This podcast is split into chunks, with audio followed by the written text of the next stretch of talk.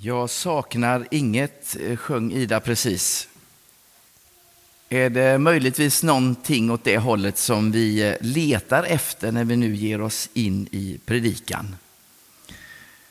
Skulle väl kanske sagt det i inledningen också där att eh, relationen till de, våra gäster som sjunger och spelar idag är lite speciell. Jag har ju bott granne med Ida, ja, inte hela mitt liv, men hela ditt liv åtminstone i princip. Det är ju härligt. Och den andra pajsan är min son. Han har ju också umgåtts med en hel del i livet. Det är roligt att få ha med sig det. Och när man är så här personlig så vill man ju... Jag var faktiskt i tv en gång när jag var riktigt liten. Och ska man ju säga något vettigt, men de frågade var jag bodde och jag pekade och däråt. Men när man är så här i närradion kan man ju passa på att hälsa till någon. Det gör man ju när man får komma så här. Och jag vet ju att det finns en del, framför allt i min gamla tjänst i Lekeryd, som lyssnar på det här. Och man ska inte nämna någon vid namn för då glömmer man någon, men, men jag tänker lite extra på er ibland. Ni som jag så vet väl lyssnar på den här. Så är det. Jag saknar inget. I sin relation med Jesus så började ju lärjungarna att känna av lite det där. De umgicks med honom mer och mer och när vi nu kommer in i vår text idag så har Jesus precis tagit den där, kanske bland de mest kända eh, berättelserna om när han mättar folket med bröd. Ett antal, långt, långt över 5 000 mättar han med bröd. Det har hänt. Sen ger han sig därifrån och går på vattnet. Ni vet den där klassiska när det är stormigt och han kommer gående till dem.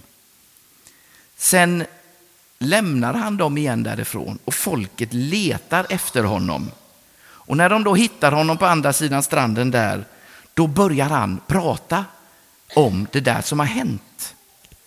Jag gav er bröd, men nu så säger han, jag är livets bröd. Och där kommer vi in i dagens text. Och jag ska väl säga det att det finns ju texter i Bibeln som är lättsmälta. Där det bara är värme och kärlek och glädje. Och så finns det texter som i någon mån är lite klurigare och jag skulle nog säga att det här är en av dem.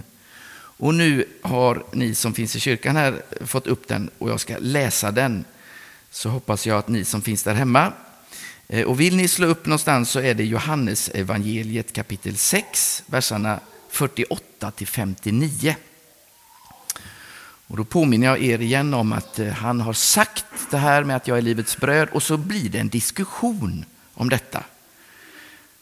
Och då börjar vi, Johannes kapitel 6, verserna 48 till 59. Jag är livets bröd. Era fäder åt mannat i öknen och de dog. Men brödet som kommer ner från himlen är sådant att den som äter av det inte ska dö. Jag är det levande brödet som har kommit ner från himlen. Den som äter av det brödet ska leva i evighet. Brödet jag skall ge är mitt kött. Jag ger det för att världen ska leva. Judarna började då tvista med varandra om hur han kunde ge dem sitt kött att äta. Jesus svarade, Sannerligen, jag säger er, om ni inte äter Människosonens kött och dricker hans blod äger ni inte livet. Den som äter mitt kött och dricker mitt blod har evigt liv, och jag ska låta honom uppstå på den sista dagen. Ty mitt kött är verklig föda och mitt blod är verklig dryck. Den som äter mitt kött och dricker mitt blod förblir i mig och jag i honom. Liksom den levande Fadern har sänt mig och jag lever genom Fadern ska också den som äter mig leva genom mig. Detta är brödet som har kommit ner från himlen. Ett annat bröd än det som fäderna åt. De dog, men den som äter detta bröd ska leva i evighet. Ser ni bilden framför er? Jesus och lärjungarna och därtill ett antal nyfikna judar. Och för att du och jag ska förstå den här diskussionen så får vi tänka på att det är lite synd om de här judarna, för de har ju inte hela bilden.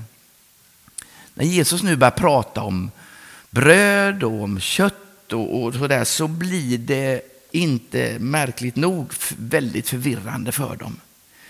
Och vi ska försöka ta lite i just i det här. Eh, det fanns säkert de av de här gruppen judar som ville förstå, som hade liksom någonstans börjat ana Ja, men Jesus är någonting mer än bara en profet som har dykt upp bland alla andra profeter. Tänk om det är han som de har väntat på. Och så fanns det garanterat de som tänkte den där Jesus kan vi inte lyssna på alls. Han är en villolärare av värsta sort.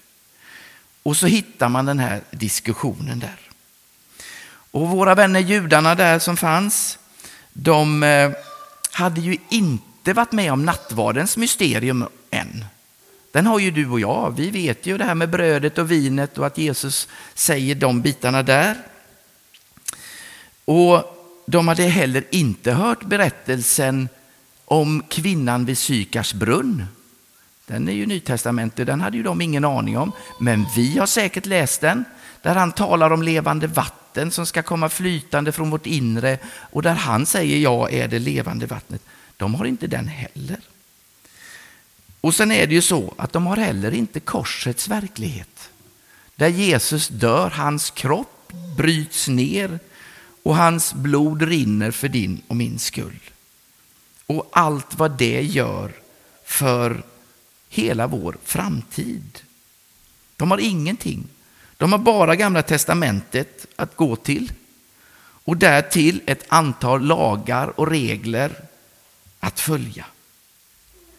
Och så står de där och var säkert med på det här brödundret där, där de fick en brödbit och en fiskbit och, och de såg att det blev mer och de blev förundrade hur alla kunde bli mätta. Och möjligtvis var de med och såg de här korgarna som blev över.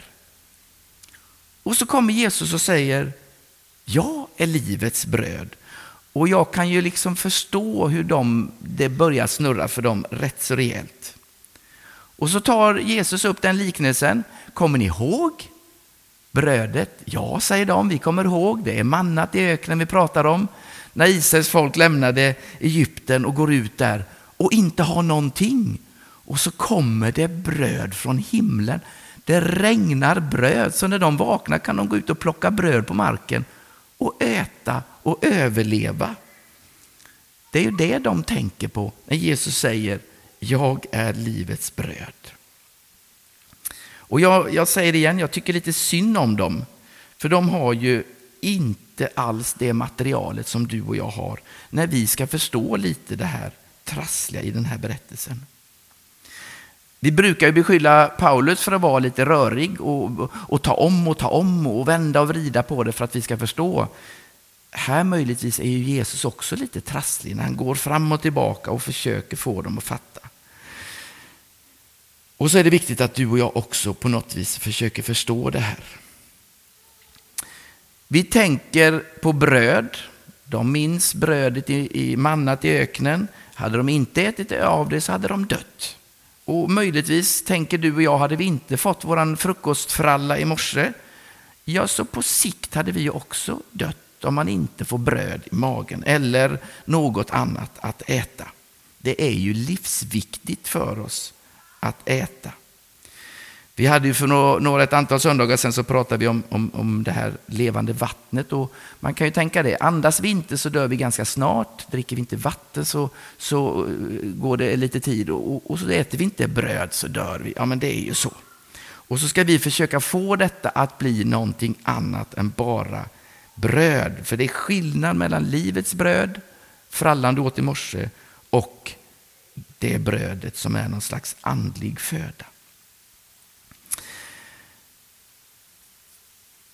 Jesus spänner bågen. Han sa precis innan vi kommer in i vår text att jag är livets bröd. Nu spänner han bågen och säger att jag är det brödet. Alltså det brödet som kommer ner från himlen, det är jag.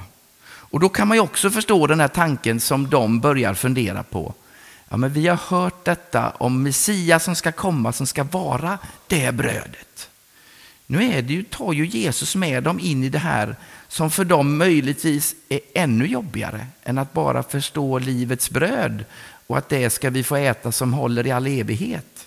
Han säger, jag är det brödet, alltså jag är Guds son. Jag är Messias. Och om, om vi kunde på något vis förstå hur judarna studsar i det. När han säger det, jag är Messias. Det, det, det, går bara inte för dem riktigt. Och så tror jag att Jesus på något vis i den här texten vill hjälpa dem och också idag för oss som sitter här och lyssnar. Att förstå hela sammanhanget. Ska vi ta oss in i nattvarden en liten snabbis, för han hänvisar ju också till det. När det där symboliska brödet inte längre är uttåget ur Egypten och lammet som offras och Messias som ska komma, utan hur det helt plötsligt blir Jesu kropp och blod blir, alltså brödet och vinet blir Jesu kropp och blod. Det, det blir han. Och, och nu, nu, vill jag inte säga att, att eh, det, det, detta är ju symboliskt någonstans i nattvarden. Att vi ska se det som ett minne från, från korset och allt det här. Men Jesus vill förtydliga att det är mer än så.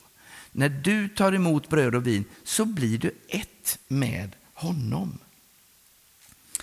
Det stod i vers 27 Arbeta inte för den föda som är förgänglig utan för den föda som består och skänker evigt liv och som Människosonen ska ge er.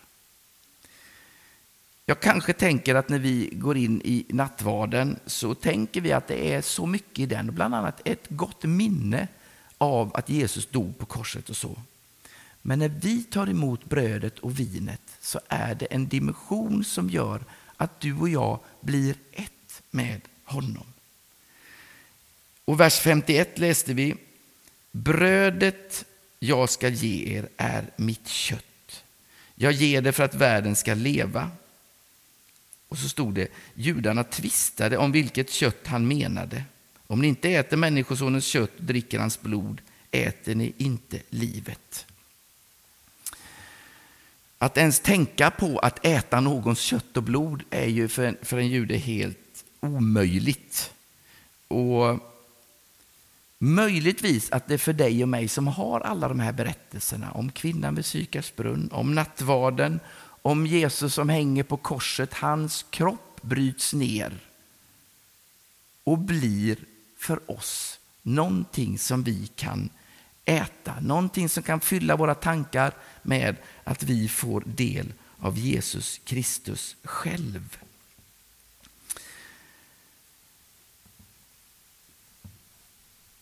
Det är inte enkelt för judarna. Och det är inte enkelt för oss heller. Men jag tänker att frågorna som vi måste ställa oss idag är ju inte att bara ha det här som ett litet minne. Utan att det får bli det som gör att du och jag överlever. Det kan inte bara vara något litet mysigt. Och både texterna som Lotta läste och det som har, som har sjungits här idag talar ju om någonting som ska bli livsviktigt för oss. Så viktigt att vi faktiskt inte överlever det här. Jag berättade på RPG här i fredags som vi hade glädjen om att få möta äldre och unga som pastor. Det är fantastiskt. Och om jag nu tänker hur judarna hade det så kan jag också försöka få er att förstå hur våra konfirmander har det. Som inte har läst Bibeln på samma sätt som möjligtvis då vi som är lite äldre eh, hade gjort när vi gick i konfirmationen. Vi kunde kanske texterna lite mer möjligtvis, både från skola och från söndagsskola och scouter och så vidare. Idag när vi möter scout, scouterna eller, eller konfirmanderna så märker vi det finns väldigt, väldigt lite av de här texterna. Och hur ska vi då, inte minst jag som pastor, få dem att förstå att det här med Jesus är någonting som gör att vi aldrig dör. Förståelsen av texterna, av det som Jesus säger till oss, det fyller oss med någonting som gör att vi aldrig dör. Och när Jesus gör det och när jag som pastor gör det både i konfirmation och i gudstjänsterna så blir ju brödet och det vi dricker en bra liknelse. För så förstår vi, äter vi inte och dricker vi inte så dör vi. Kroppen dör. Nu vet ju vi att det ska vi göra ändå. Kroppen ska dö en gång i tiden.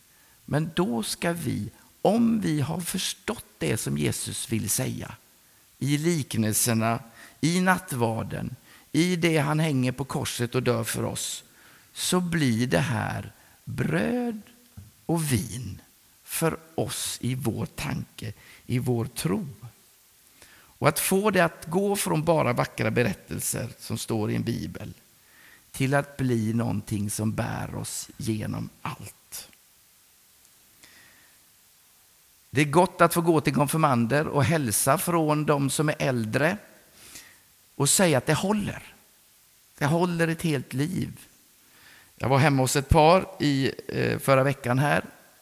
Ett äldre par som börjar närma sig, ja, lite någonstans över 80-kanten där någonstans. Ja. Och det är fantastiskt att få ta en fika så där. Och så säger jag att nu ska jag åka till konfirmanderna. Då hälsar jag från er. Och så säger jag till konfirmanden, jag kan hälsa från ett äldre par.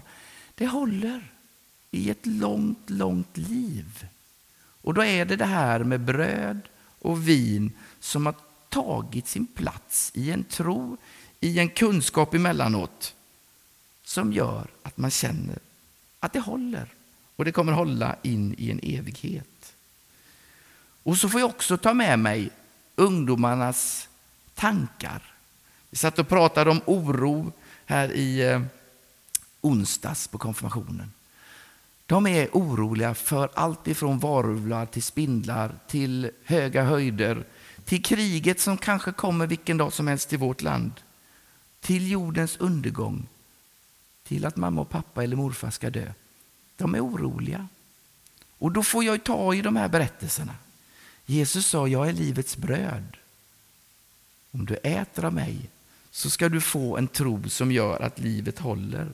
Nu när det är som oroligast och också in i en evighet. Det är min önskan idag, som jag sa i början på vår gudstjänst här, att den här predikan, den här gudstjänsten ska ge dig någonting som gör att du går mätt härifrån. Och då får ju vi ställa oss de här frågorna. Kan de här liknelserna, kan de här fantastiska berättelserna om under som sker, om Jesu diskussion med de här judarna fylla oss, vår medvetande, vår inställning, vår kunskap, kan vi känna den där kärleken som finns gömt i den här, i de här svåra passagerna där Jesu kropp och blod, där Jesu kött ska bli någonting som föder oss för evigheten. Ja, jag tror vi måste hjälpa varandra. Vi har tagit ett litet steg nu att försöka förstå de här texterna. Fundera, var finns du någonstans? Har det landat i dig? Och har det inte gjort dig, ta hjälp av någon. Tron är inte till för att du ska brottas alldeles själv, utan ta hjälp av någon. God vän, närstående, ring en pastor, ring mig om du behöver hjälp. Så får vi brottas tillsammans så att det här landar och blir föda som mättar oss för varje dag. Ibland kan det bli så där att man bara tar det till sig och så bär det. Och ibland får man bara lita på löftena som står fullt i hela Bibeln. Jag ska aldrig någonsin överge dig. Kom till mig du som törstar, så ska jag ge dig en källa. Kom till mig du som har bekymmer, så ska jag ge dig frid och vila. Allt det här blir tillsammans en tro som kan bära nu och in i evigheten. Låt oss be. Herre, tack för möjligheten att vi idag har fått brottats med de där orden som du har sagt till oss. Att du är någonting som kan mätta oss för all tid. Hjälp oss var och en nu att samla ihop våra tankar. Och vi ber dig här om stöd och hjälp att forma tankar som håller och bär. Välsigna var och en som lyssnar, välsigna de som sitter här i kyrkan. Hjälp oss att bära och hjälpa varandra in i de här texterna. I Jesu namn. Amen.